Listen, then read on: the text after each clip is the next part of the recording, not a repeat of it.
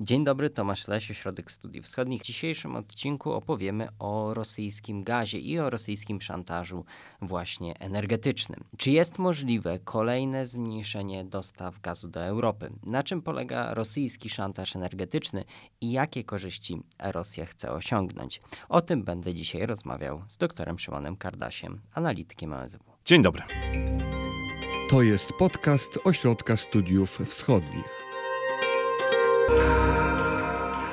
Zacznijmy proszę od liczb, od y, takiego podsumowania dla naszych słucha słuchaczy, którzy być może tak nie śledzą dokładnie tych spraw. Ile obecnie gazu Rosja wysyła do Europy? W porównaniu oczywiście do tego, co wysyłała chociażby przed wojną. Rosja, a właściwie będąc precyzyjnym Gazprom, wysyła tego gazu do Europy w tej chwili bardzo mało. Biorąc pod uwagę te dobowe wolumeny przesyłu, które w ostatnich dniach gdzieś kształtują się na poziomie, no tak, między 115 a 120 kilka milionów metrów sześciennych. To jest e, około 30% tego, co standardowo Rosjanie wysyłali dobowo do Europy w 2021 roku. Więc to jest bardzo mało. Po drugie, Gazprom chwali się co dwa tygodnie e, takimi danymi, które mają ilustrować wielkość eksportu do tak zwanej dalekiej dalekiej zagranicy, przy czym to jest ciekawe, bo Gazprom pod pojęciem tej dalekiej zagranicy, czy za tą daleką zagranicę uważa państwa e, członkowskie Unii Europejskiej z wyłączeniem państw bałtyckich, inne państwa e, europejskie, które nie należą do Unii Europejskiej oraz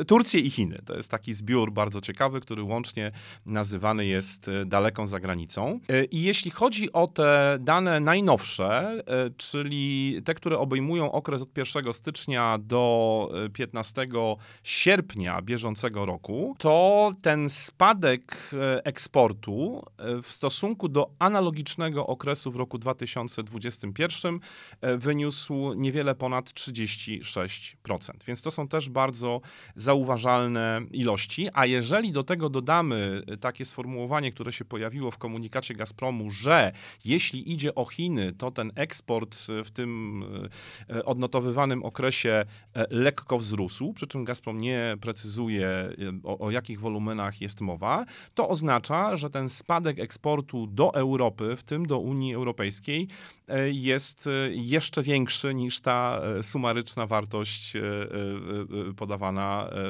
w komunikacie koncernu, czyli te 36%. A więc mamy do czynienia z pewną, no, taką już widoczną od wielu miesięcy tendencją spadkową. Zarówno jeśli jeśli idzie o te dobowe wolumeny e, eksportu, e, jak i sumaryczna wielkość eksportu Gazpromu e, do krajów tak zwanej dalekiej zagranicy. Zapytam Cię dlaczego, ale chciałbym, żebyśmy odpowiedź, jeżeli możemy, podzielili na dwa segmenty. Pierwszy nazwijmy to oficjalnym, czyli to, co mówi Gazprom, bo jak rozumiem, jakaś, wy, jakaś wymówka jest albo wymówki.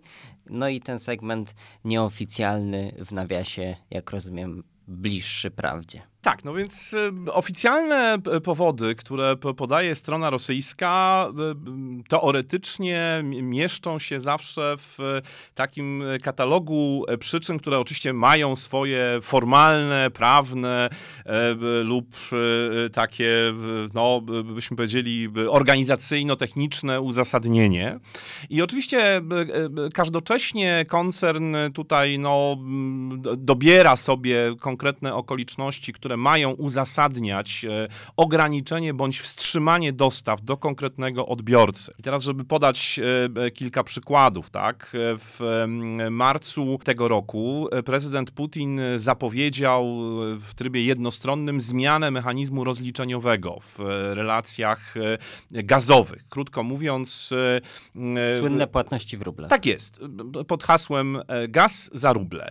Polegało to na tym, że wydany został specjalny dekret, który wymuszał na partnerach zachodnioeuropejskich e, akceptację takiego nowego modelu rozliczeniowego, który miał polegać na tym, że e, te firmy zachodnie e, otwierają dwa rodzaje kont w Gazprombanku, jedno w walucie, drugie w rublach. Mechanizm miał polegać, czy, czy polega na tym, że najpierw przelewa się walutę, następnie ta waluta jest konwertowana na ruble i dopiero z tego konta rublowego ściągana jest właściwa należność za dostarczenie dostawy. I ponieważ nie wszyscy odbiorcy europejscy zdecydowali się ten dyktat, nazwijmy rzecz po imieniu, zaakceptować, bo to jest coś, co no, wykraczało poza zobowiązania wynikające z kontraktów, tak? A więc, żeby pójść na ten nowy układ, no, potrzebna była zgoda partnerów europejskich.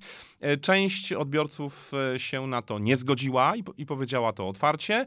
E, część nie wypowiedziała się w ogóle, część e, no, była krytyczna, ale ostatecznie e, w, chyba w jakiś sposób osiągnęła porozumienie ze stroną rosyjską, bo dostawy zostały utrzymane. Ale wobec tych, którzy jednoznacznie odrzucili ten mechanizm, Gazprom oczywiście dostawy wstrzymał. Do grona tych krajów należy m.in. Polska, Bułgaria, Dania, częściowo też do Holandii zostały wstrzymane dostawy, również do jednej ze spółek, która dostarczała gaz na rynek niemiecki.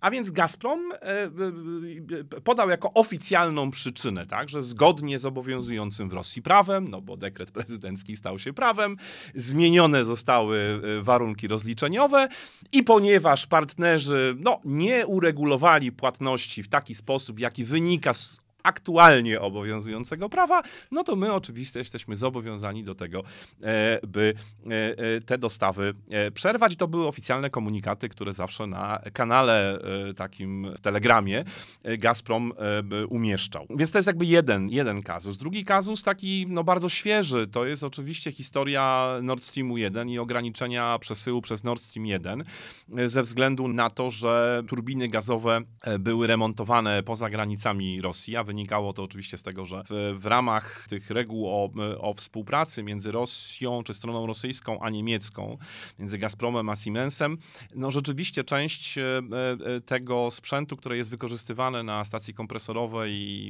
e, która, służy, która po stronie rosyjskiej jakby funkcjonuje, umożliwiając eksport surowca, część tego sprzętu no, podlega takim albo regularnym, albo nieregularnym pracom konserwacyjno-remontowym i część z nich jest przeprowadzana poza granicami Rosji. No i tutaj rzeczywiście były turbiny, które znalazły się na terenie e, Kanady. E, no i ze względu na wprowadzony reżim e, sankcyjny pojawił się pewien kłopot, tak? Czy ten sprzęt, który może być traktowany jako sprzęt podwójnego przeznaczenia, no może... Bo te turbiny też, zdaje się, mogły być wykorzystywane Dokładnie. do silników samolotów. Tak jest. I w związku z tym pojawił się pewien problem, który no Gazprom oczywiście wykorzystał jako pewien pretekst, tak? Że no mamy tutaj do czynienia z reżimem sankcyjnym.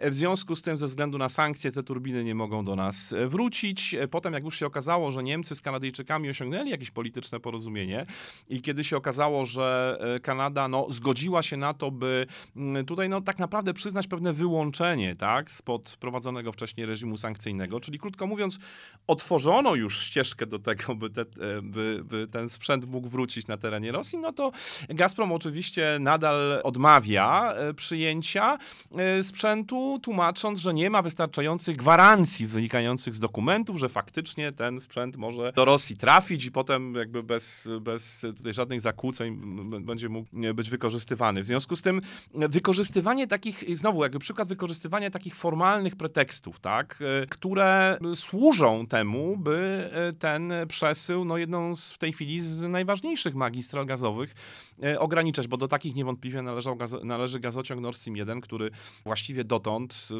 w okresie, no nawet nie tyle, że przed wojną, bo nawet jak już wojna wybuchła, znaczy jak inwazja rosyjska przeciwko Ukrainie się zaczęła, to, e, to wykorzystywany był prawie na, praktycznie na 100% swoich możliwości, tak? A w tej chwili jest wykorzystywany gdzieś w 20%, mniej więcej, prawda?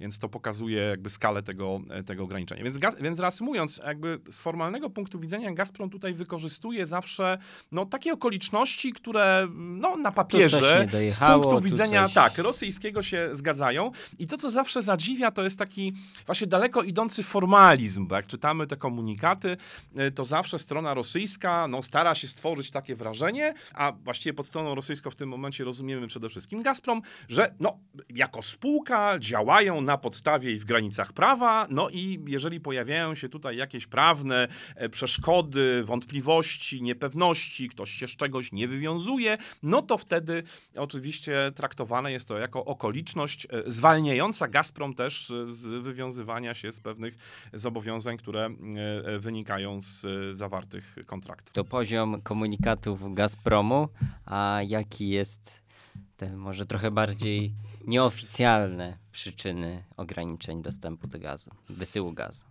A nieoficjalne przyczyny y, oczywiście są y, bardziej interesujące i y, to jest coś, z czym tak naprawdę, czy ten szantaż gazowy rosyjski, bo taki zwrot się bardzo często pojawia w tej debacie publicznej, nie tylko w Polsce, gdzie obserwuje się właśnie tę dynamikę relacji gazowych między Rosją a partnerami europejskimi. Ten szantaż gazowy, gazowy, który obserwujemy od wielu, wielu miesięcy, on właściwie się zaczął tak naprawdę jeszcze przed przed wojną, znaczy przed inwazją Rosji na Ukrainę, sprowadza się do bardzo prostego elementu. To znaczy, Rosjanie mówią tak: jesteśmy gotowi zwiększyć dostawy gazu, mamy gazu pod dostatkiem, rezerwy są takie, że jakby Europa potrzebowała, to i 100 miliardów, i 150, i kiedyś nawet były takie deklaracje, że i 200 ekstra jesteśmy w stanie e, wysłać. E, więc tutaj jakby po naszej stronie jest bogactwo surowcowe, e, którym jesteśmy gotowi potrzeby europejskie europejskie zapewnić, ale oczywiście pod pewnymi warunkami. I teraz te warunki, e, czy innymi słowy, żądania, one mają dwojaki charakter. Część z nich ma charakter mm, taki, no, powiedział stricte ekonomiczny, ale taki, który oczywiście też służy, tak powiem, wzmocnieniu pozycji nie tylko samego Gazpromu, ale też pozycji państwa rosyjskiego na rynkach energetycznych, ale powiedzmy o takim podłożu ekonomicznym. No a część tych żądań ma charakter stricte e, polityczny. E, I co ciekawe, ponieważ ten szantaż się zaczął jeszcze przed inwazją, to może warto właśnie te E, żądania e, rosyjskie podzielić na takie dwie grupy. Znaczy takie, które mają w pewnym sensie charakter konstans, czyli są jakby do pewnego stopnia niezależne od tego, co zdarzyło się 24 lutego e, bieżącego roku i te, które pojawiły się właśnie jako te okoliczności dodatkowe już po e, inwazji. Więc jeśli idzie o te, o te e, warunki czy te żądania, które mają charakter konstans i są niezależne od wojny Rosji z Ukrainą, to można je znowu podzielić na takie dwie grupy. Żądania o charakterze takim, czy cele takie taktyczne i strategiczne. No, ten cel taktyczny najważniejszy, który przyświecał Rosji, Rosji, to było to, by uruchomić gazociąg Nord Stream 2. Tak? Rosjanie ukończyli budowę po oczywiście wielu trudach i znojach, zakrętach. Ukończyli budowę tego gazociągu e, pierwszej nitki w czerwcu 2021 roku, drugiej nitki w, we wrześniu 2021 roku.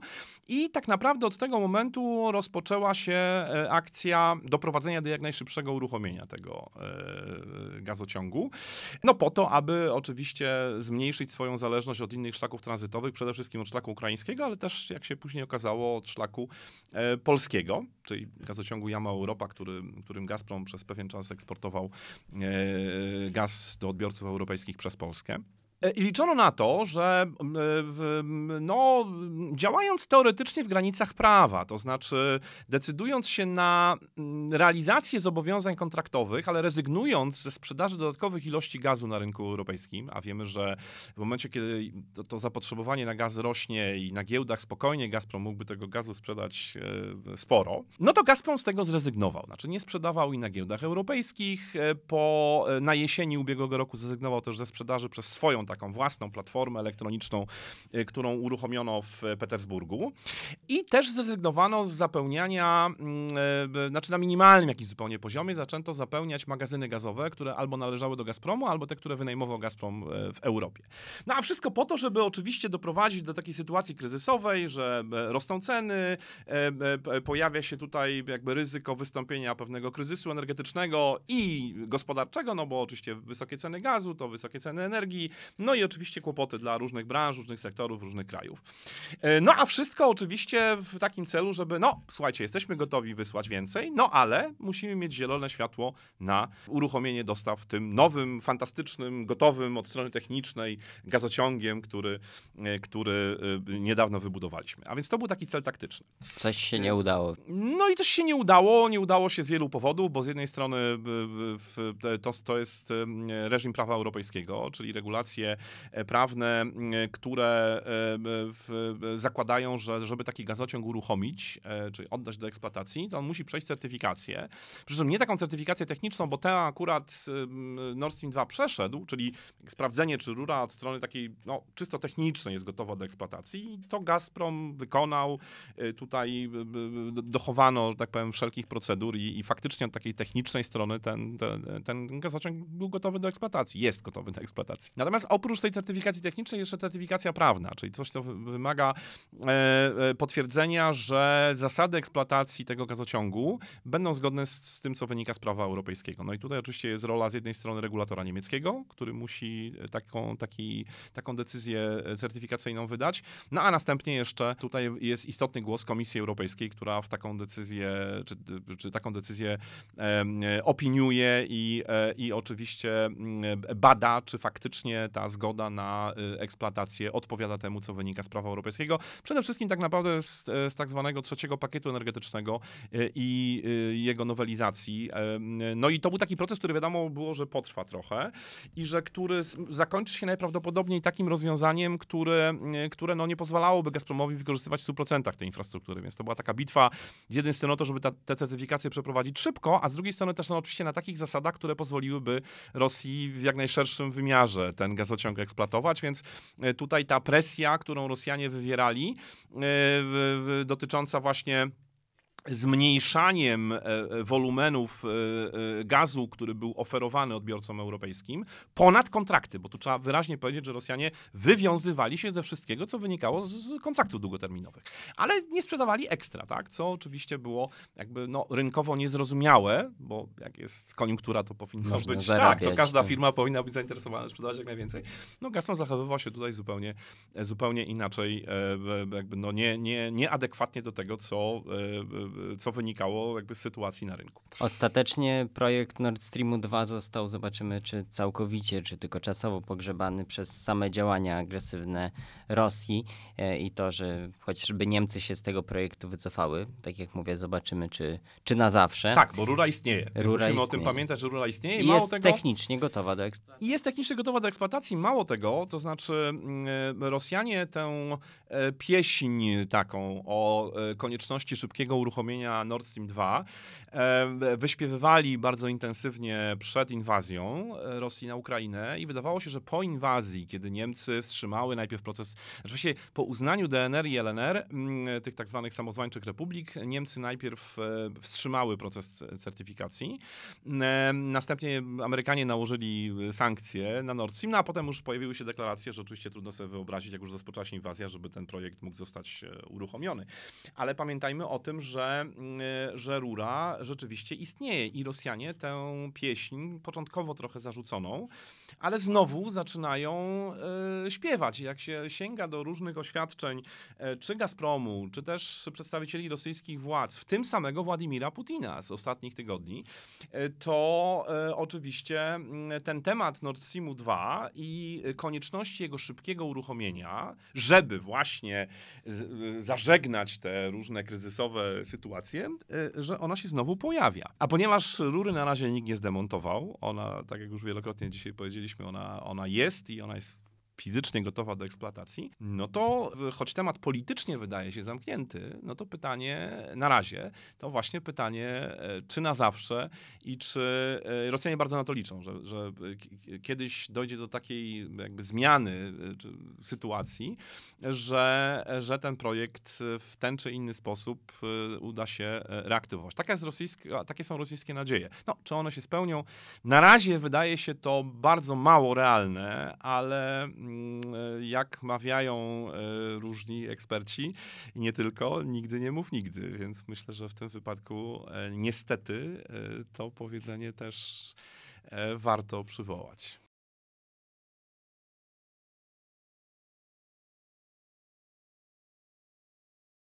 Tak jest. To był taki cel taktyczny, ale pamiętajmy, że poza tym celem taktycznym była mm, też cała grupa takich celów, powiedziałbym, o strategicznym charakterze z punktu widzenia rosyjskiej polityki energetycznej, szczególnie w odniesieniu do sektora gazowego. E, Rosjanie, i podkreślono to wielokrotnie, w, i w, widoczne to było w wystąpieniach kierownictwa Gazpromu, ale też wielokrotnie w przemówieniach Władimira Putina, jeszcze z 2021 roku, że tak naprawdę to, na co Rosja liczy, to pewna zmiana podejścia w polityce energetycznej Unii Europejskiej w stosunku do Rosji. I i nie tylko, bo tak naprawdę Władimir Putin często konstruował swoje przemówienia jeszcze w 2021 roku w taki sposób, że była to jedna wielka krytyka polityki energetycznej Unii Europejskiej. Tak? Wytykanie wszystkich możliwych błędów, poczynając właśnie od tej strony regulacyjnej, przez to, że nad, nadmiernie u, uwierzono w potencjał odnawialnych źródeł energii, które czasami zawodzą. Władimir Putin, e, też e, e, pewne obsesje klimatyczne, które Władimir Putin wytykał Europejczykom.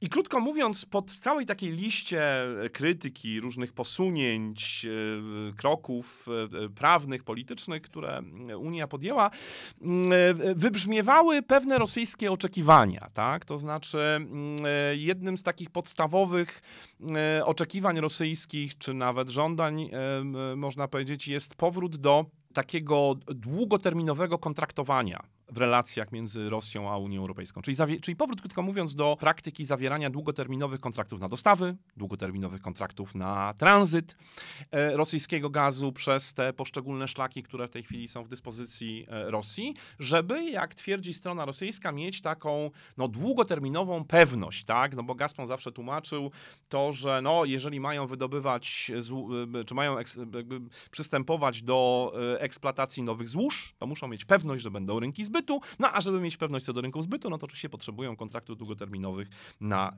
y, dostawy. A więc krótko mówiąc, taki pierwszy podstawowy punkt to odejdźmy od, y, nie wiem, sprzedaży spotowej, krótkoterminowej i tak dalej. Wróćmy do tradycji długoterminowych kontraktów. I to był szczególnie sygnał wysłany pod adresem tych, którzy, tych państw europejskich czy tych odbiorców w Europie, którzy no, zaczęli trochę zmieniać swoją politykę e, e, kontraktowania.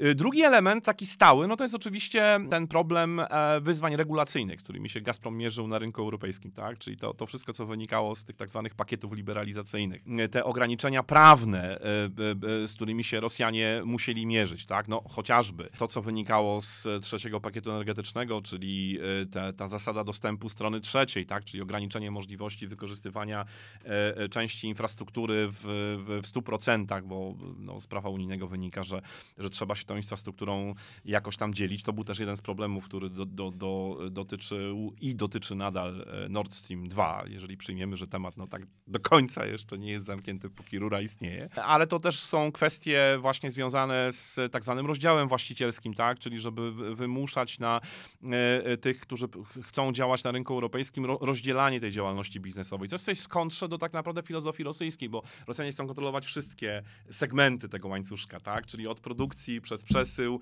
po sprzedaż detaliczną, jeszcze być najlepiej właścicielem infrastruktury. No wiadomo, że te zmiany, które w Europie wprowadzano e, przez ostatnie dziesięciolecia, no one szły w kontrze do tej filozofii, która jest bardzo bliska i charakterystyczna dla funkcjonowania e, Gazpromu.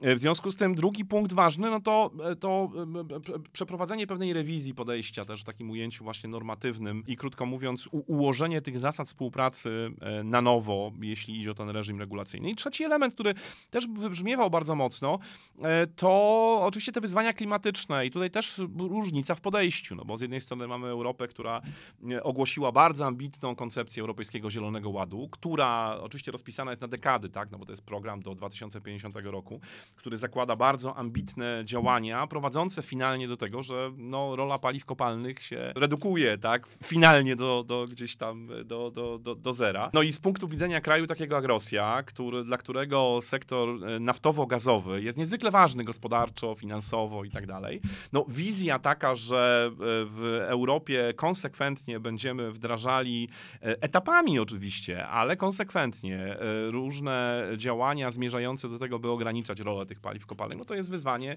e, natury systemowej. W związku z tym to jest ten trzeci element, który pojawił się jako, jako, jako ważny, jak, jako pole do, do dyskusji, do, taki punkt, co do którego no, Rosja z Unią musiałaby się jakoś porozumieć, tak, żeby znaleźć tutaj dobre rozwiązanie dla z jednej strony Rosji, no a z drugiej strony strony jakoś tam być może uwzględnić też te postulaty unijne, ale jednak przede wszystkim ten interes rosyjski Władimir Putin miał na myśli, wrzucając ten wątek do swoich wystąpień. I, I to mam wrażenie jest coś, co też pozostało konstans, bo znowu, jak sięgamy do różnych wystąpień już po tym, kiedy wybuchła wojna Rosji z Ukrainą, to te elementy się pojawiają. Nie zawsze wszystkie we wszystkich e, wystąpieniach, ale jak słuchamy wicepremiera Nowaka, czy ministra energetyki Szulginowa, czy właśnie premiera Miszustina, czy samego Władimira Putina, czy przedstawicieli Gazpromu, no to te wątki e, e, wracają. Mówiłeś o tych kwestiach ekonomicznych, ale czy gdzieś, gdzieś w kontekście tego szantażu rosyjskiego energetycznego nie ma jeszcze tych przesłanek politycznych i zachęcenia, powiedzmy to delikatnie, zachęcenia e, Europy, aby nie dozbrajała Ukrainy i albo w najlepszym, rozumiem, modelowym scenariuszu nacisnęła na Ukraińców, żeby przestali stawiać opór? No właśnie, i teraz, jeśli mówimy o takich elementach, które pojawiły się, mm, czy takich żądaniach, które pojawiły się jako nowe w ramach tego szantażu energetycznego, e, to to są rzeczywiście te e, kwestie, które mm, e, no, zaczęły mieć znaczenie po inwazji Rosji na Ukrainę. I, i to są tak naprawdę dwa żądania czy, czy dwie grupy żądań, może tak. I obie mają charakter, jak zauważyłeś, polityczny. Po pierwsze, e, ponieważ e, w związku z inwazją Rosji na Ukrainę mm, Zachód e, absolutnie nieoczekiwanie dla Rosji zareagował ostro, jeśli idzie o politykę sankcyjną. I tutaj e, oczywiście nadal można się spierać, tak, czy poszliśmy już wystarczająco daleko w e, uderzeniu w rosyjską gospodarkę, ale to jest jakby e, na trochę odrębną dyskusję. dyskusję. Tak. Natomiast nie ulega wątpliwości, że Rosjanie takiej skali sankcji się nie spodziewali. I takiego zjednoczenia właściwie Zachodu co do konieczności wprowadzania sankcji przeciwko Rosji. Tak? No bo to nie tylko Stany Zjednoczone, ale i Unia Europejska, i Kanada, i też takie kraje jak Japonia, w ramach szeroko rozumianego Zachodu, no nie geograficznie, ale, ale politycznie prawda? W związku z tym mam wrażenie, że to, co się pojawiło jako nowum w ramach tego szantażu e, energetycznego, czyli tego, że Rosja próbuje e, ograniczać e, albo wstrzymywać w przypadku niektórych krajów dostawy gazu, to jest oczekiwanie, że państwa zachodnie, a w tym wypadku przede wszystkim kraje Unii Europejskiej, będą łagodzić albo znosić wprowadzone restrykcje, no i oczywiście nie będą wprowadzać nowych e, e, e, ograniczeń w stosunku do Federacji Rosyjskiej. I taką funkcję na przykład miało pełnić przywołane już przez nas wcześniej w posunięcie pod tytułem gaz za ruble. Tak? Znaczy to była, to była forma rosyjskiej kontrsankcji. I stworzenie sobie właśnie takiego pretekstu, że no dobrze, skoro wy nakładacie restrykcje dotyczące finansów, technologii i tak dalej i zaczynacie rozmawiać, bo wtedy to był taki moment, kiedy zaczęto dopiero rozmawiać rozmawiać o sankcjonowaniu rosyjskiego importu surowcowego w Europie, no to mam wrażenie, że ten dekret miał pełnić taką funkcję też ostrzegawczą, tak, że to jest rodzaj kontrsankcji i e, jakby wysyłamy sygnał, że będziemy gotowi na e, ostre posunięcia, jeżeli nie zrezygnujecie z polityki sankcji, nie zaczniecie ich łagodzić albo nie, e, nie przestaniecie wprowadzać nowych restrykcji. Więc jeden, jedna kategoria przyczyn o charakterze politycznym, dla których wykorzystywany jest ten szantaż gazowy, to jest właśnie, to jest właśnie właśnie wszystko, co się wiąże z sankcjami wprowadzanymi e, przez szeroko rozumiany Zachód, w tym przez Unię Europejską. I druga, e, drugi, druga grupa przyczyn to jest rzeczywiście postawa Zachodu, w tym państw europejskich, wobec Ukrainy. To znaczy to, jak się zachowuje Zachód wobec Ukrainy. Ja tylko przypomnę, że Władimir Putin, kiedy mm, emitowano e, nad ranem 24 lutego to jego przemówienie mm, uzasadniające rozpoczęcie inwazji, powiedział bardzo wyraźnie, że no, Rosja oczywiście liczy na to, że nikt z Zachodu no, nie będzie Ukrainy wspierał e, wojskowo. I jeszcze dodał, że ma nadzieję, że został usłyszany na Zachodzie. Prawda? Tymczasem wszystko, co obserwujemy od tego czasu, no, idzie w kompletnej kontrze do rosyjskich oczekiwań. To znaczy jest i wsparcie polityczne bardzo jednoznaczne i Stanów, i Unii, i jeszcze e, paru innych krajów szeroko rozumianego Zachodu, ale też też właśnie wsparcie wojskowe, które nie ustaje, a w zasadzie no, każde tygodnie przynoszą nam tutaj nowe e, informacje dotyczące e, zwiększania tego wsparcia. I to jest oczywiście coś, czego Rosjanie się nie spodziewali. To jest coś, co Rosjanom komplikuje sytuację na froncie. No i nie ulega wątpliwości, że poprzez te inne instrumenty, które mają w swoim katalogu, tak jak na przykład ten instrument energetyczny, próbują też wywierać presję na e, partnerów europejskich, by tę politykę w jakiś sposób zmodyfikowały. To znaczy w takim no, minimalistycznym e, oczekiwaniu ograniczyły skalę wsparcia politycznego i militarnego, no a w optymalnym e, w ogóle z tego wsparcia e, wojskowego zrezygnowały. I mam wrażenie, że te dwa elementy to jest pewne nowum, które pojawiło się właśnie po inwazji i to jest coś, co pokazuje, że w którymś momencie, bo to nie było jasne od samego początku, dlatego że e, no, przez pierwsze tygodnie po inwazji Gazprom eksportował do Europy no, tyle gazu, ile wynikało z zawartych kontraktów. Nie było tutaj żadnych prób e, ograniczania czy wstrzymywania dostaw. Więc to się pojawiło dopiero po pewnym czasie, to jest gdzieś między kwiecień, od kwietnia, tak, cała fala różnych działań, które zmierzały do, czy które polegały na ograniczeniu bądź wstrzymywaniu dostaw, e, co pokazywało, że no, Rosjanie w którymś momencie momencie, że Kreml w którymś momencie podjął decyzję, że trzeba ostrzej zagrać tymi e, argumentami, e, które no, są spo, spoza instrumentarium stricte politycznego, no a e, uwzględniając ten wysoki poziom zależności energetycznej, w tym w sektorze gazowym, uznano, że może to być instrument skuteczny. No, tak przynajmniej uzna, uznano najwyraźniej na Kremlu. To, co u nas się pojawiało w debacie na takim dosyć podstawowym poziomie, to taka wątpliwość, że no ale przecież skoro Rosja nie będzie sprzedawać większych ilości gazu, czy na takim samym poziomie, jak sprzedaje do tej pory, no to naturalnie nie będzie zarabiać, a rosyjska gospodarka jest tego, od tego uzależniona.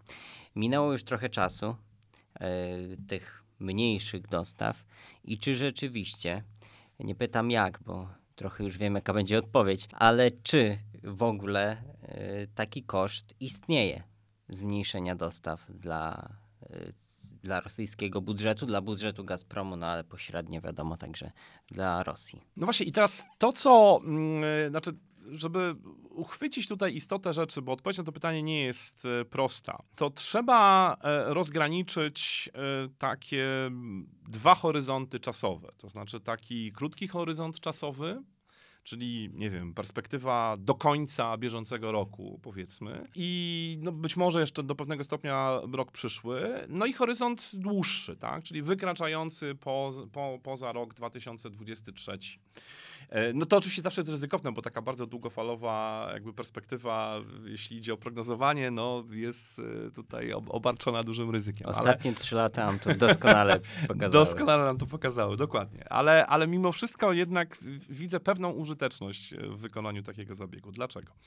Dlatego, że rok 2022 może być pod tym względem rozczarowujący z perspektywy tych, którzy oczekiwali, że z jednej strony te działania, które są podejmowane po stronie szeroko rozumianego Zachodu, a z drugiej strony te działania, które w reakcji na politykę Zachodu podejmuje sama Rosja, doprowadzą do radykalnego pogorszenia sytuacji w tym no, jednym z najbardziej strategicznych sektorów rosyjskiej gospodarki, jaką jest energetyka. A już w szczególności, jeśli mówimy o tym polu gazowym. I teraz e, może kilka e, argumentów, e, dlaczego. Możemy się czuć trochę na koniec roku, najprawdopodobniej, rozczarowani że te efekty nie są e, takie, jakbyśmy tego oczekiwali. Po pierwsze, jeśli chodzi o gaz, to on ma z punktu widzenia finansów państwa rosyjskiego dużo mniejsze znaczenie niż sektor naftowy. Takie pełne dane y, statystyczne, którymi dysponujemy, roczne, one są oczywiście za rok 2021, pokazują bardzo wyraźnie, że jeśli idzie o tak zwane wpływy naftowo-gazowe do rosyjskiego budżetu, gdybyśmy potraktowali te wpływy naftowo-gazowe jako 100%, tak, całość tych wpływów naftowo-gazowych, to 80% przypada na sektor naftowy, a jedynie 20% na sektor gazowy. A więc e, rola sektora naftowego jest nieporównywalnie e, większa e, i w związku z tym kondycja tego sektora, przyszłość tego sektora, to co się dzieje też na rynkach zewnętrznych ma z punktu widzenia finansów państwa rosyjskiego dużo większą doniosłość niż to, co się dzieje na rynkach gazowych. To jest jakby pierwsza, e, pierwsza rzecz i to też, e, bo to są właśnie dwa parametry, którymi się posługujemy. Tak, ten jeden to jest właśnie udział tych e, wpływów naftowo-gazowych we wpływach do budżetu rosyjskiego ogółem. I druga jeszcze kategoria, która się pojawia i, i która też to dobrze obrazuje, to znaczy wartość eksportu naftowo-gazowego. Tak? Ta sumaryczna wartość eksportu naftowo-gazowego, ona w 2021 roku wyniosła jakoś niewiele ponad 240 miliardów dolarów i E, w, z tego e, no, niewiele ponad 25% przypadło na gaz. I to zarówno gaz, który był sprzedawany e, poprzez rurociągi, jak i gaz, który był sprzedawany na rynkach zewnętrznych jako LNG. Pozostała część przypadła na ropę surową i produkty naftowe, czyli znowu sektor naftowy e, szeroko rozumiany e, zgarnął tutaj jakieś 75%, tak, jeśli chodzi o, e, o, o znaczenie w tym eksporcie naftowo-gazowym rosyjskim. A więc a więc, a, więc ten gaz, on nie ma aż tak istotnego znaczenia finansowego, tak? jak, jak sektor naftowy. Druga rzecz, która y, oczywiście wpływa na to, że być może y, 2022 rok będzie rozczarowujący dla y, adwersarzy Rosji, którzy używają różnego typu instrumentarium sankcyjnego i nie tylko, e, to są ceny. E, otóż e, ceny zarówno ropy, jak i ceny gazu są bardzo wysokie. No, rozmawiamy. Kilkukrotnie. Kilkukrotnie wysokie, tak. Kilkukrotnie wyższe niż. I, I to nawet już w tej chwili kilka, być może za chwilę trzeba będzie zamienić na kilkanaście wyższe niż w roku e, ubiegłym. Oczywiście te ceny skaczą, tak, no bo na giełdach e, czasem tydzień do tygodnia te różnice są na poziomie, no nie wiem, tam 500 czy kilkuset dolarów za tysiąc metrów sześciennych, czasami więcej.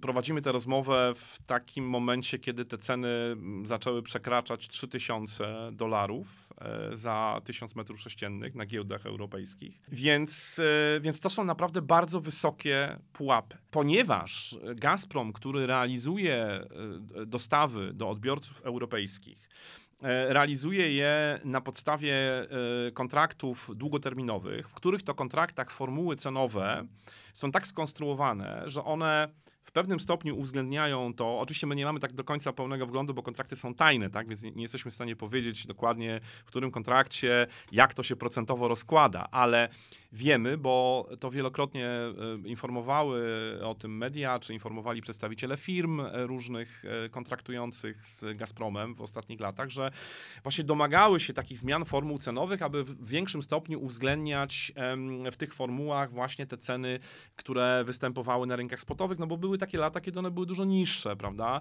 e, niż to, co na przykład Gazprom oferował w ramach kontraktów długoterminowych, kiedy one były w znaczącej mierze powiązane z cenami ropy, czy z cenami ropy i koszykiem produktów naftowych na przykład, prawda? I domagano się tutaj, że a, powinien być ten poziom jakby spotów uwzględniony w szerszej skali, no bo wtedy y, te ceny finalnie z kontraktów długoterminowych też wyjdą dla nas korzystniejsze. No ale w takich warunkach, w jakich działamy obecnie, tak? Czyli kiedy e, część tych formuł cenowych e, rzeczywiście jest powiązana e, i niektóre może nawet w dużym stopniu z cenami na rynkach spotowych, no to oczywiście ta finalna cena może być wyjść dużo wyższa niż jeszcze ktoś oczekiwał, czy, czy, czy na co liczył powiedzmy, nie wiem, rok temu, czy wcześniej. Prawda? Więc to jest coś, co, mm, to jest coś, co, co znowu, te wysokie ceny, które działają na korzyść Gazpromu, plus z kolei... Jak rozumiem, chodzi o to, że po prostu potem, e, jak rozumiem, chodzi o to, że po prostu potem, jak patrzymy na bilans, chociażby nawet bilans handlowy Rosji, to widać, to się okazuje, że to, że Rosja mniej sprzedaje, jest równoważone przez to, że te ceny, to co sprzedaje, jest dużo droższe. Tak.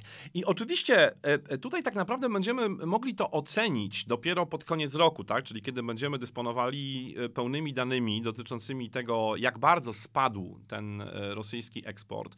No bo na razie mamy ten spadek za te 7,5 miesiąca, to co Gazprom ogłasza, na poziomie 36%. Tak? Zobaczymy, czy ta tendencja się utrzyma, czy, czy, czy, czy, czy, czy, czy ulegnie jakiemuś tam gwałtownemu jeszcze pogorszeniu, w tym sensie, że ten spadek będzie jeszcze większy. Zobaczymy, jak to się będzie kształtowało w drugiej połowie roku, ale też jednocześnie no, trzeba cały czas obserwować, jak będą się kształtowały ceny, tak? Czy yy, i jaka tutaj będzie relacja między tym spadającym wolumenem, a rosnącymi cenami do poszczególnych yy, odbiorców. Więc tak naprawdę yy, ta druga połowa roku będzie tutaj nie, niezwykle istotna do obserwacji, bo da nam odpowiedź na pytanie, dopiero jak będziemy dysponować no, pełnymi danymi, tak?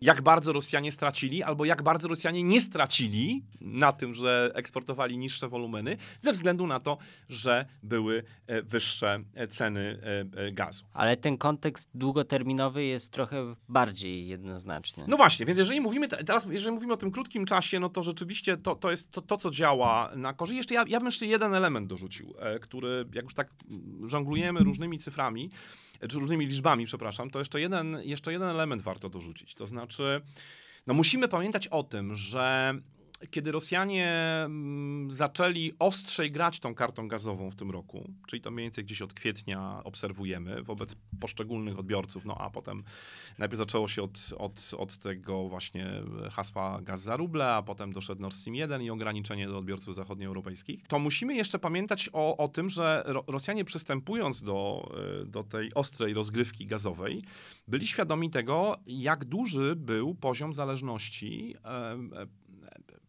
Europy jako całości od dostaw gazu z Rosji. E, ten udział rosyjskiego gazu w rynku europejskim w 2021 roku szacowany był na około 40%. E, jeśli mówimy o wolumenach, to e, Rosja czy rosyjscy eksporterzy, mam na myśli Gazprom oraz ci, którzy eksportowali gaz w formie LNG, dostarczyli do Europy w 2021 roku 155 miliardów metrów sześciennych gazu. Z tego 145 przypadało na Gazprom i, i gaz rurociągowy, no bo Gazprom jest monopolistą i tylko Gazprom może eksportować gaz e, rurociągo, systemem rurociągowym z Rosji. To są gigantyczne wolumeny.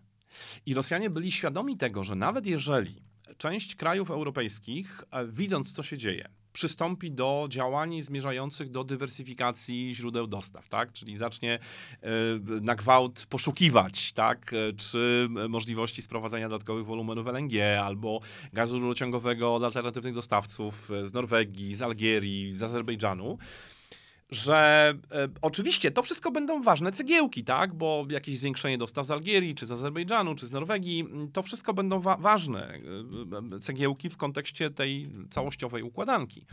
Ale Rosjanie, myślę, świetnie zdawali sobie sprawę z tego, że mówimy tutaj o naprawdę bardzo dużych wolumenach, które, jeśli patrzymy na całą Europę, miałyby być zastąpione i że taka substytucja z dnia na dzień po prostu nie jest e, możliwa.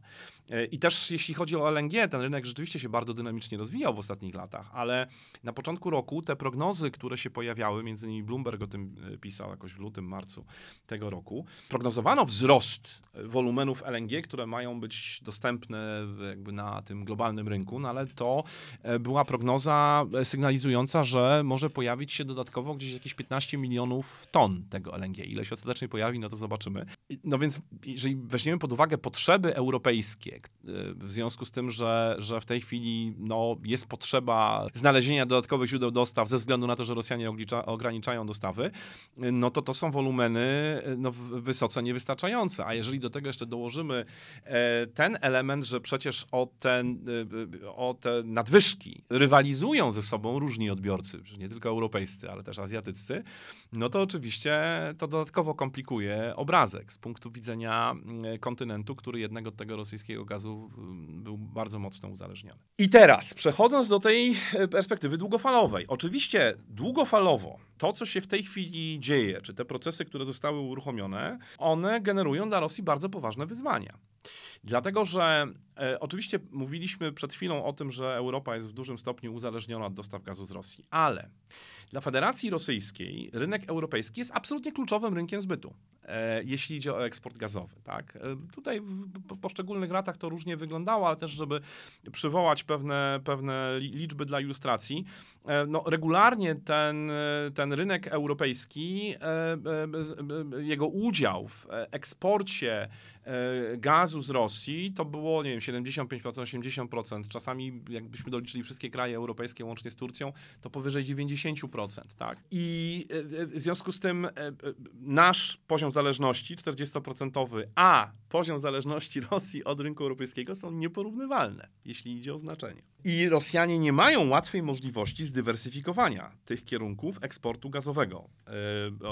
Wątek, który możemy zresztą za chwilkę rozwinąć. Po drugie, jak patrzymy na wpływy samego Gazpromu ze sprzedaży gazu, to to, co generował rynek e, unijny, stanowiło od lat jakby kluczową pozycję E, jeśli idzie o wpływy Gazpromu ze sprzedaży gazu na rynkach, na wszystkich rynkach, na których Gazprom działa. Czyli jeśli weźmiemy pod uwagę na przykład te dane statystyczne, które koncern rosyjski opublikował za 2021 rok, to ten udział rynku tak zwanej dalekiej zagranicy, czyli właśnie Unia Europejska, inne kraje europejskie, Turcja, we wpływach e, Gazpromu ze sprzedaży gazu na wszystkich rynkach, łącznie z rynkiem wewnętrznym, to było około 75%. Więc w związku z tym, gdyby się nagle okazało, że e, nie wiem, cała Unia Europejska nagle rezygnuje z zakupów rosyjskiego gazu, no to tak naprawdę rosyjski koncern traci niezwykle ważną pozycję, jeśli idzie o, e, o, o, budżet firmy. Bo oczywiście Gazprom nie tylko handluje gazem, tak? Ma, ma też pewne zyski ze sprzedaży ropy, produktów naftowych, e, energii elektrycznej, tak? No bo oni się rozliczają jako grupa Gazprom, a grupa Gazprom to jest nie tylko Gazprom jako koncern, ale też Gazprom Nieft, czyli ta spółka córka, która działa bardziej na rynku naftowym, to jest Gazprom Energo Holding, czyli coś, co działa jakby w sektorze energii elektrycznej i tak dalej, i tak dalej. Więc jakby z punktu widzenia całego Gazpromu, to ten gaz to nie jest jedyna pozycja, oczywiście, jeśli idzie o wpływy.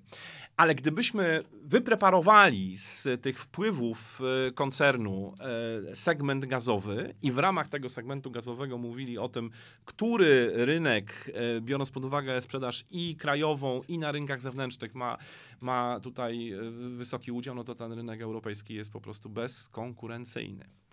I gdyby się okazało, że w związku z tym decyzje, które w tej chwili podjęto, tak, czyli kierunek na dywersyfikację, na, na tak naprawdę gdzieś docelowo, bo przecież Unia Europejska tak to programuje, że docelowo w ogóle mamy się e, pozbyć rosyjskiego gazu na europejskim rynku i to szybciej niż wynikało wcześniej z koncepcji e, Europejskiego Zielonego Ładu, to to oczywiście jest dla Rosji bardzo zła wiadomość, bo oni alternatywnego rynku dla swojego gazu bardzo szybko nie są w stanie znaleźć. A firma, mówię, tak, no, od kolejny, w kolejnych latach może to bardzo mocno odczuć E, finansowo. No a biorąc pod uwagę, że Gazprom jest kontrolowany przez państwo, no bo Skarb Państwa posiada e, e,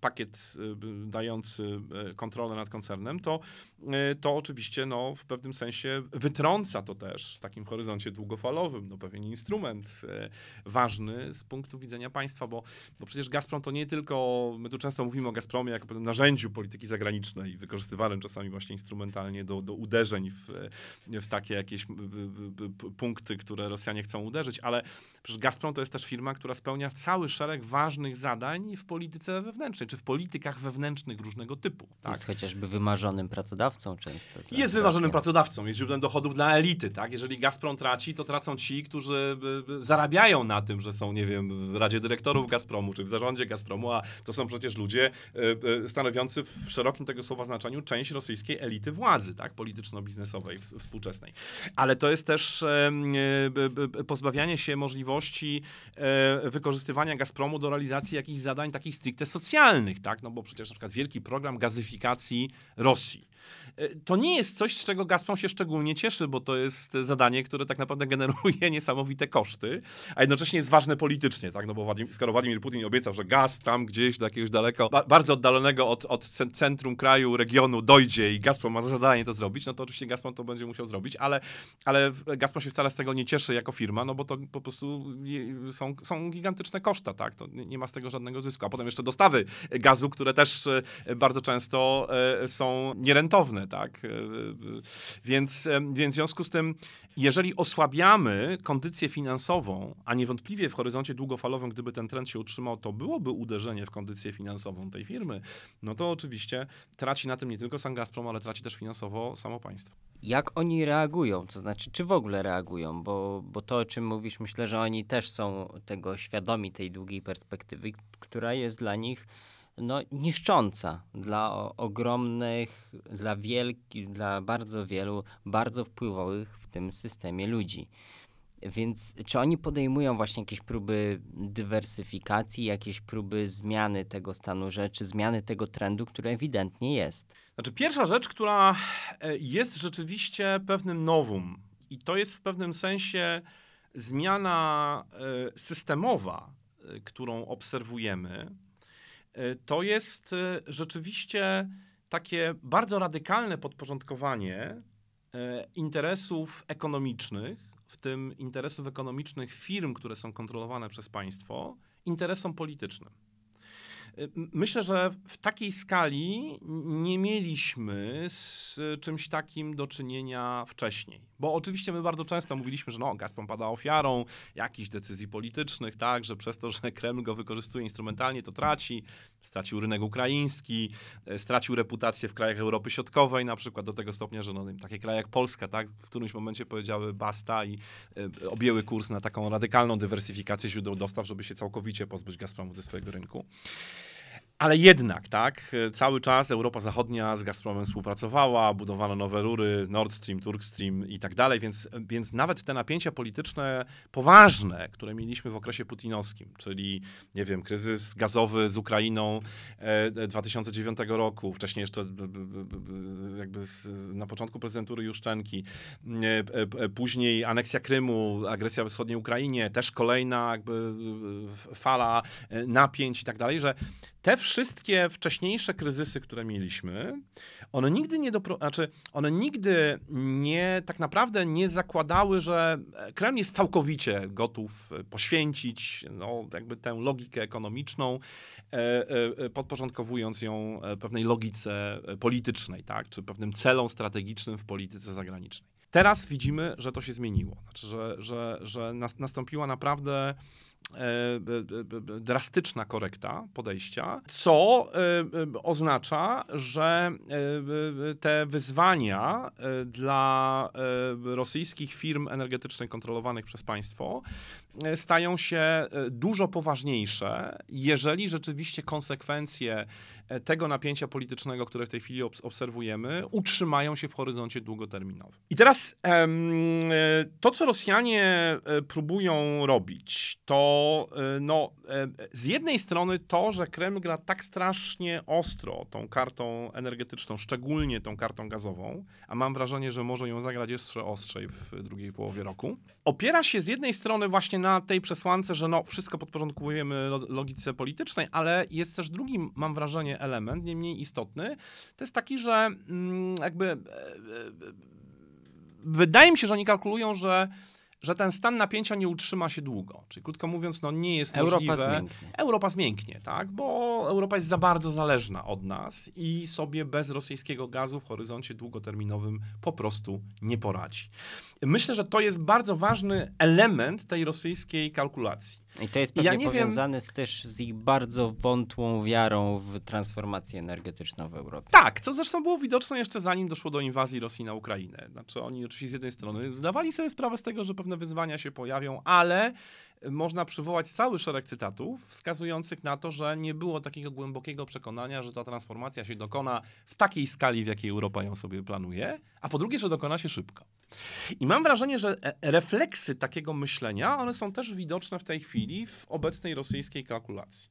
Oczywiście, czy ta kalkulacja się okaże słuszna czy błędna, e, to pokażą najbliższe miesiące i lata ale mam wrażenie, że Kreml buduje, e, te, buduje ten, e, tę, tę swoją, czy opiera tę swoją kalkulację na doświadczeniach właśnie ostatnich dwóch dekad, gdzie po każdym kryzysie politycznym dochodziło do sytuacji takiej, że no, w którymś momencie wracała jakaś normalność Mało tego, no, po Krymie przecież ta normalność przybrała postać, no, powiedziałbym dla Rosji w ujęciu gazowym fantastyczną, dlatego że wybudowano dwa nowe gazociągi eksportowe E, do Europy, tak? E, e, Turkstream najpierw, dwie nitki, jedna do Turcji, druga z przeznaczeniem na rynki europejskie i je uruchomiono.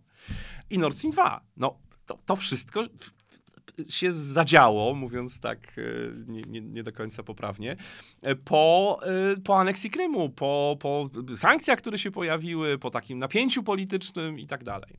Mało tego, Gazprom uzyskał rekordowe udziały w rynku europejskim. No właśnie w, w tym okresie 2018 rok, 2019, tak. Chwalili się, że to są rekordowe wyniki, jeśli idzie o wolumeny eksportu, jeśli idzie o, o, o też udziały w rynku europejskim. I mam wrażenie, że jakby w sposobie myślenia tej rosyjskiej elity politycznej, która bierze udział w podejmowaniu, czy ma wpływ na podejmowanie decyzji politycznych, to jest cały czas żywe. Tak? Zwłaszcza, znaczy- że to są ci sami ludzie w dużej mierze. To nie jest tak jak w demokratycznych krajach, tak. że to jest ekipa, która jest teraz tak. 4 lata, tak. Ich za pół roku nie będzie, będą kolejni. Oczywiście. Tak, i oczywiście teraz jest bardzo na ostro, bo obrzucamy się wszyscy sankcjami, kontrsankcjami. Putin mówi o partnerach, byli partnerzy europejscy, tak, mówi, że się skompromitowali i tak dalej, i tak dalej, ale mam wrażenie, że gdzieś z tyłu głowy jest pewnie takie przeświadczenie, że no przecież oni sobie bez nas i tak nie poradzą i jakoś trzeba będzie y, te relacje znormalizować. No a energetyka zawsze była taką sferą, w, w ramach której ta normalizacja przejawiała się, można powiedzieć, najszybciej. Tak? Ja nie przesądzam, czy ta kalkulacja jest e, słuszna, czy nie. Bardzo bym chciał, żeby Kreml się tutaj fundamentalnie pomylił i jak obserwujemy różne deklaracje i działania, które podejmowane są przez kraje europejskie od początku inwazji, no to mam wrażenie, że przynajmniej do pewnego stopnia ta kalkulacja Kremla e, no, nie, nie, nie, nie jest słuszna, bo jednak w wielu krajach ten kierunek w działań w ramach polityki energetycznej się mocno zmienia. E, więc, więc mam wrażenie, że, że ta kalkulacja nie do końca się tutaj e, musi sprawdzić, no ale w jakim stopniu ona się okaże błędna, no to dopiero czas pokaże. To mam nie wrażenie, możemy, że... rozumiem, jak rozumiem, nie możemy tego do końca przewidzieć, no bo za chwilę zacznie się zima. Jak ludzie, e, ludziom będzie zimno, jak może aż tak drastycznie to nie będzie, ale jak zaczną w pośredni sposób mocno odczuwać skutki tej sytuacji, no to czy wtedy różni politycy europejscy będą dalej na takich stanowiskach i takie opinie wygłaszać i to robić, co robią, no to zobaczymy. To zobaczymy. Oczywiście, tym bardziej, że Rosjanie e, no, robią wszystko, żeby ta zima była jak najtrudniejsza, bo no, już nie tylko e, e, robią to, co robili w roku ubiegłym, czyli nie tylko rezygnują ze sprzedaży gazu na, na giełdach, no ale... Co od, podwyższa ceny. Tak jest, ale od wiosny, tak jak już dzisiaj mówiliśmy wielokrotnie, rozpoczęli całą serię ograniczeń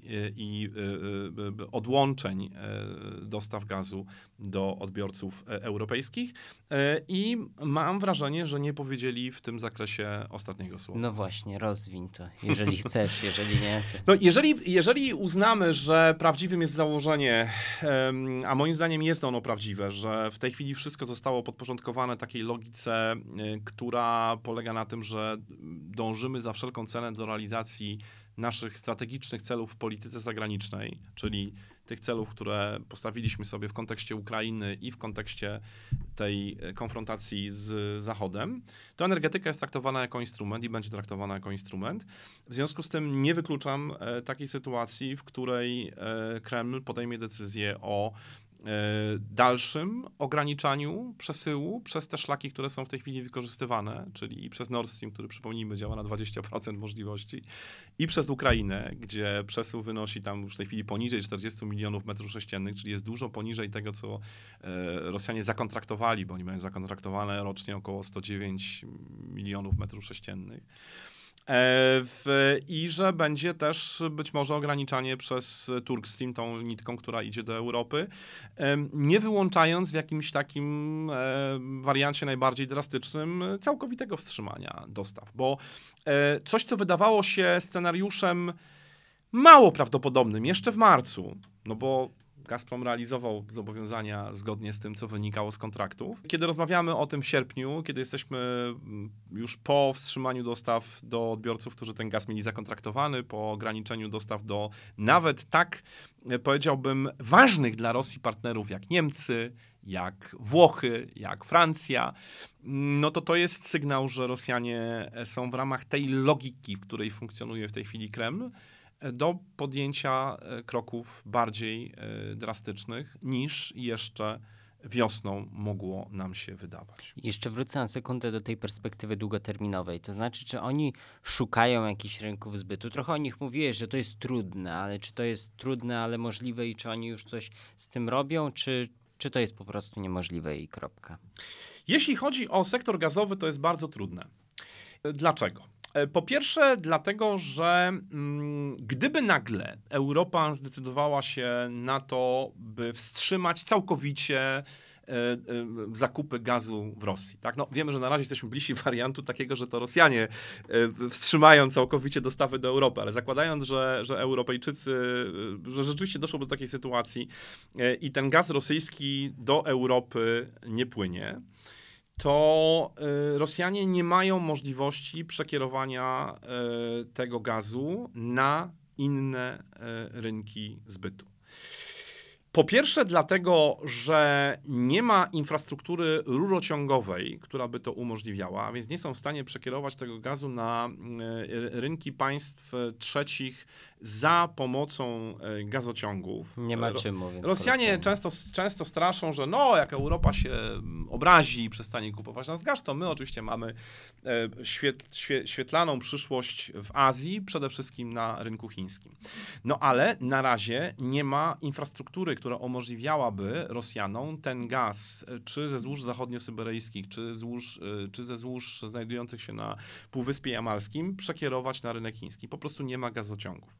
Rosjanie mają taki, takie marzenie, taki plan właściwie od lat dyskutowany, przede wszystkim z Chińczykami, no bo to od partnerów chińskich tutaj zależy, czy, czy, e, czy ten projekt zostanie zrealizowany, czy nie, aby wybudować taki gazociąg, e, który łączyłby te złoża zachodniosyberyjskie z e, Chinami. Kiedyś ten projekt się nazywał Auta i teraz nowy odsłonie on się nazywa Siła Syberii 2. To jest taki pomysł, żeby wybudować nowy gazociąg do Chin przez Mongolię tranzytem przez Mongolię, e, który właśnie połączyłby te złoża zachodniosyberyjskie z rynkiem chińskim i mało tego, połączyłby też tą europejską sieć gazową z tą siecią gazową, którą Gazprom rozbudowuje mm, na Dalekim Wschodzie, w Sybe na Syberii Wschodniej i Dalekim Wschodzie, bo na razie tego połączenia nie ma. Po co takie połączenie? E, no, e, po to, aby właśnie zwiększyć swoją elastyczność, jeśli idzie o możliwość przekierowywania dostaw. No, na razie zostawiamy jakby na boku kwestię rentowności, bo to są bardzo długie odległości. Pytanie, na ile oczywiście gaz e, transportowany przez takie duże odległości byłby rentowny, uwzględniając oczywiście ostateczne ceny, jakie obowiązywałyby w kontraktach. Ale pomysł jest taki, że żeby zrobić to, co zrobiono w sektorze naftowym, bo w sektorze naftowym e, doszło do połączenia tej sieci, która funkcjonowała w Europie, z tą siecią, która e, e, zaczęła być budowana na, na wschodzie. W, w sektorze gazowym tego nie ma, nie ma, nie ma połączenia. Mamy gazociąg Siła Syberii 1, który łączy, który jeszcze nie został notabene tak do końca tutaj z, zrealizowany, bo na razie jakby pierwsza, o, o, pierwszy odcinek tego gazociągu działa, łączący złoże Chajanda właśnie z rynkiem chińskim. Budowany jest jeszcze cały czas odcinek tutaj między Chayandą a Kowyktą, czyli między tymi dwoma kluczowymi złożami Syberii Wschodniej, które mają zasilać y, y, dostawy do Chin. I ten gazociąg Siła Syberii, który, e, który łączy te złoża z rynkiem chińskim, no ale on jakby nie, nie jest powiązany właśnie z tą siecią europejską. Natomiast tutaj, gdyby zrealizować ten projekt Siła Syberii 2, to chodziłoby o to, nie tylko o to, żeby właśnie móc przekierowywać e, dostawy ze złóż zachodnioeuropejskich, które w tej chwili, czy, czy z Jamału, które trafiają do Europy, móc przekierowywać właśnie e, do Chin, jeżeli byłaby taka potrzeba, ale też właśnie przy okazji do, dobudować taki łącznik między tą siecią zachodnią i wschodnią i doprowadzić doprowadzając do podobnej sytuacji, jak, jak mamy w sektorze naftowym. No ale tutaj jest jakby, to jest cały czas plan. E, to jest jak plan... rozumiem, nawet jakby dzisiaj przystąpiono do realizacji, to i tak trwa. Dokładnie, na razie to jest plan. Na razie Chińczycy e, rozmawiają, nie mówią nie, ale nie mówią na razie tak. podpisano jakby szereg, cały szereg, bo tutaj jakby historia się toczy od kilkunastu lat, jest podpisany cały szereg różnych dokumentów niewiążących e, w tej sprawie. Gazprom tak trochę rutynowo mówi, że no, już mamy prawie wszystko uzgodnione, jeszcze tam tylko cena nam została, jeszcze jakieś tam inne, inne drobiazgi w cudzysłowie. Tak, bardzo drobne rzeczy. Bardzo drobne rzeczy. Bardziej intensywnie ta, te negocjacje przebiegają ze stroną mongolską, która właśnie ma być tym krajem tranzytowym. No ale na razie, na razie tutaj jakby wiążących dokumentów ze stroną chińską nie podpisano, a one są w tym wypadku kluczowe, no bo jeżeli nie będzie nowego kontraktu o dostawę gazu do Chin, no to ten gazociąg e, tak naprawdę nie ma racji bytu, nawet jeżeli Rosjanie zaczną budować tę infrastrukturę po swojej stronie. I to zajmuje lata. E, gazociąg Siła Syberii, który, e, przypomnijmy, kontrakt podpisano w roku 2014 na dostawę gazu do Chin. Gazociąg zaczęto budować niedługo po zawarciu tego kontraktu. Został uruchomiony w, w grudniu 2019 roku. Więc minęło kilka lat. Zakładając, że tutaj historia byłaby no, podobna, yy, to, no, to też jest horyzont kilku lat. Tak? Yy, są takie szacunki, że gdyby do budowy tego gazociągu przystąpiono tam, nie wiem, w 2023-2024 roku, no to gdzieś do końca lat 20. może dałoby się go y, uruchomić, ale znowu, jakby tu jest cały na razie szereg znaków zapytania dotyczących tego, by, by y, no, podjąć jakieś wiążące uzgodnienia. A dopiero, e, kiedy one zostaną e, podjęte, no to rozpocznie się realizacja e, budowy, która może zająć kilka lat, więc na razie, jeśli chodzi o te alternatywy, alternatywne gazociągi, to jest rzeczywiście sprawa bardzo mglista. Jeszcze bardziej mglista jest w przypadku takich projektów, które no, przez pewien czas Gazprom rozważał, tak, nie wiem, gazociągi do Japonii, jak, jakieś gazociągi do Korei Południowej, różnymi szlakami markami ale to są wszystko projekty jeszcze bardziej niepewne niż ten Siła Syberii. No Japonia w ogóle odpada, no bo wydaje się, że w tych warunkach, kiedy idziemy na, że Japonia jest w tej koalicji państw zachodnich, która e, raczej w tej chwili deklaruje też wolę zmniejszania zależności energetycznej od Rosji, to nie sądzę, żeby była zainteresowana mm, wchodzeniem w jakieś projekta strategiczne tego typu z Rosją, podobnie Korea Południowa. W związku z tym jakby abstrahując od innych e, przeciwności, które się tutaj w ramach tych projektów pojawiały przez lata, kiedy sytuacja polityczna nie była tak napięta. Więc, więc te inne projekty, one są jeszcze bardziej mgliste i w zasadzie trzeba je odłożyć e, gdzieś tam na, na bardzo wysoką półkę.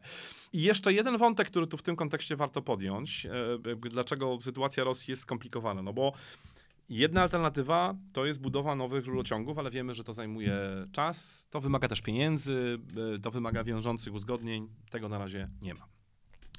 Druga ścieżka, która się pojawia yy, na horyzoncie, to jest oczywiście LNG. Yy, czyli, no dobrze, nie będziemy wysyłać gazu rurami, będziemy go skraplać i wysyłać na inne rynki. Yy, no i tu oczywiście cały świat w cudzysłowie stoi, stoi otworem. Tak.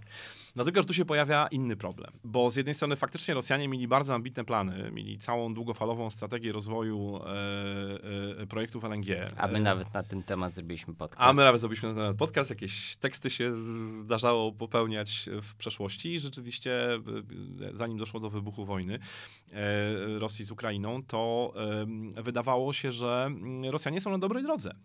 Żeby tę strategię może nie zrealizować do 2035 roku, no tak literalnie w 100%, ale znaczącą jej część, dlatego że mieli, były wszelkie przesłanki ku temu, czyli i e, wiodąca firma po stronie rosyjskiej, czyli Nowatek, który trochę jakby wziął na siebie tę, tę rolę lidera rozwoju projektów LNG dużej skali w Rosji. Miał poparcie y, Kremla, miał poparcie i polityczne, i finansowe, i takie administracyjne, cały szereg e, rozwiązań prawnych, decyzji administracyjnych, takich korzystnych podjętych e, w związku z realizowanymi projektami.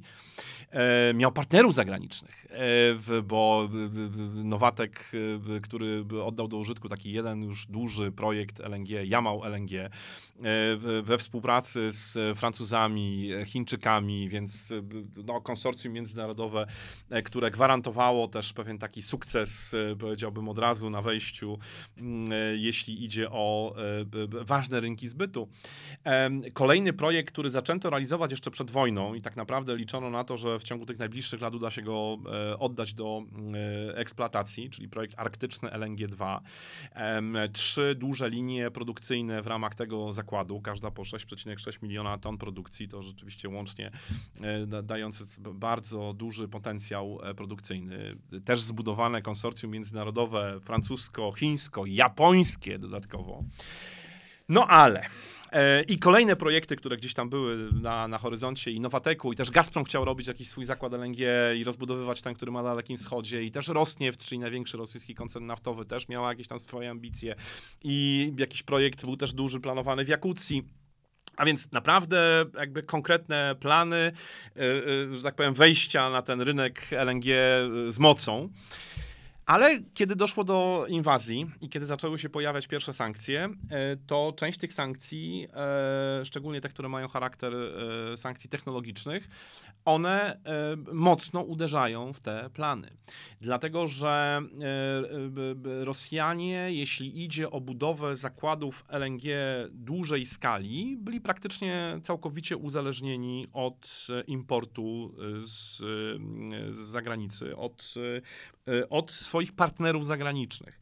E, I w momencie, gdy sankcje e, technologiczne obejmują te, które mają być, czy te technologie, czy sprzęt, który ma być wykorzystywany przy realizacji projektów energetycznych, to co ten ambitny y, y, plan ekspansji w sektorze LNG staje pod znakiem zapytania. Co więcej, nawet ten projekt właśnie arktyczny LNG-2, który jest w trakcie realizacji, tak, ta pierwsza linia produkcyjna jest już prawie na ukończeniu, ona ma być oddana do użytku w roku 2023, no i Nowatek się zarzeka, że ta pierwsza rzeczywiście zostanie oddana do użytku terminowo, ale kolejne, które miały być oddawane w latach następnych, czyli 2024, 2025, tu już e, e, stawiany jest znak zapytania.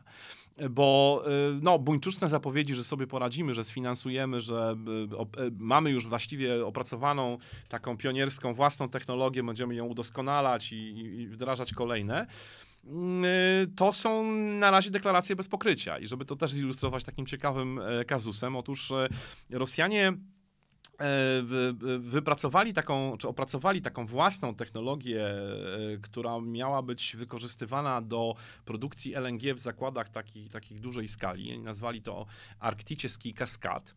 E, I ta technologia była wykorzystana przy produkcji, przy, przy budowie czwartej linii produkcyjnej tego zakładu Jamał LNG-2.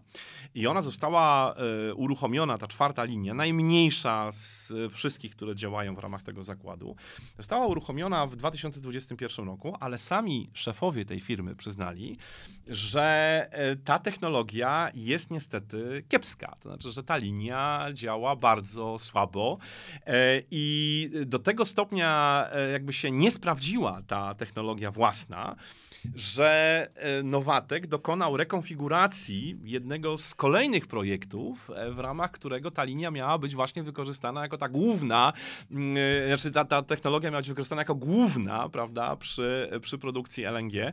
W związku z tym wiele wskazuje na to, że Rosjanie też w jakiejś dającej się przewidzieć przyszłości sami sobie y, z technologiami przy zakładach y, do produkcji LNG dużej skali nie poradzą, a to stawia pod znakiem zapytania strategię LNG, tą ambitną, którą sobie nakreślili, co z kolei oczywiście jest pewną barierą w, w zakresie możliwości przekierowywania tego gazu, który nie będzie trafiał do Europy, na inne rynki. No bo jak nie ma rur i nie możemy ich wysyłać rurami, nie będzie nowych zakładów LNG, no to Gazprom, e, krótko mówiąc, będzie mógł albo zwiększać te dostawy do wybranych odbiorców krajowych, no ale też możliwości nie są jakieś specjalnie szalone, albo po prostu będzie zmuszony radykalnie ograniczyć wydobycie.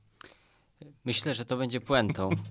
E, problemy Gazpromu, myślę, że to problemy Gazpromu to chyba taki wątek główny tego podcastu, więc na tym też zakończymy. Dziękuję za tę rozmowę. Dziękuję bardzo.